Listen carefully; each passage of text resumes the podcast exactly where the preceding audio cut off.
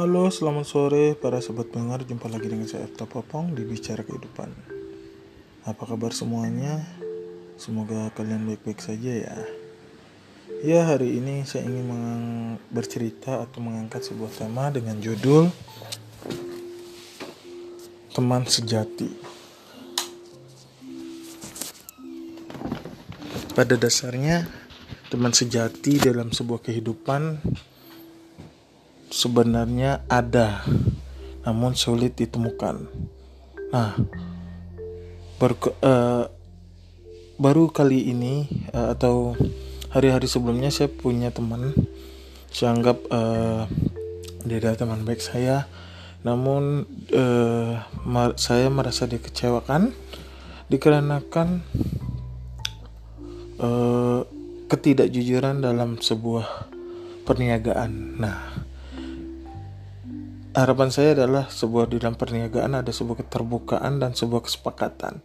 Namun kesepakatan itu uh, tidak dicoreng, uh, tidak tercoreng, tapi sebuah kejujuran lah yang membuat saya kurang percaya atas teman baik saya, teman baik saya tersebut.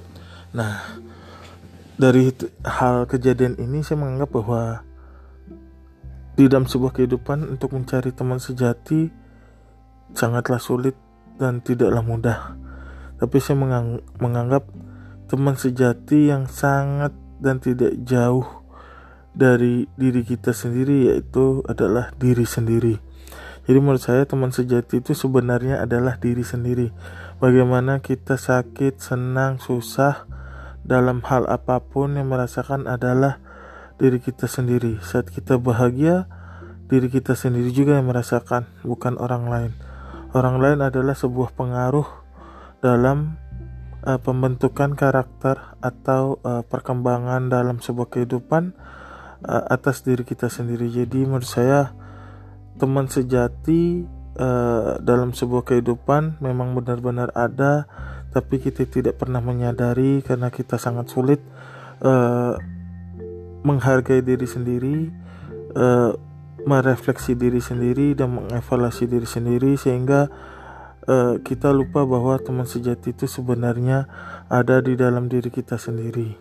Nah, maka oleh sebab itu janganlah kita mencari teman sejati uh, di luar sana, tapi carilah teman yang benar-benar memberikan sebuah pengaruh baik untuk menjadikan diri kita dan bisa berdamai dengan diri sendiri dan menjadikan teman sejati untuk uh, ke depannya. Jadi uh, yang per, per, perlu yang harus kita ingat adalah uh, belajar dari uh, lingkungan yang baik, belajar juga dari lingkungan yang buruk agar tidak terjebak dalam situasi yang uh, salah atau lingkungan yang salah. Uh, pahami uh, diri sendiri sehingga kita bisa memfilter atau menyaring atas pengaruh eh, di luar sana yang diberikan yang diberikan oleh di luar sana.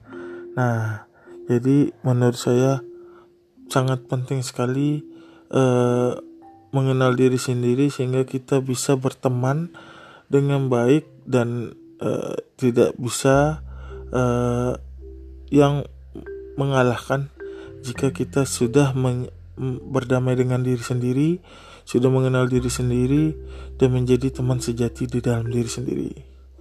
Next, uh, saya akan uh, berbagi cerita kepada para sahabat pendengar. Semoga para sahabat pendengar tetap setia mendengar di channel Bicara Kehidupan. Tentunya berbagi pengalaman untuk sebuah pengetahuan. Selamat uh, sore dan selamat beristirahat. Sampai jumpa.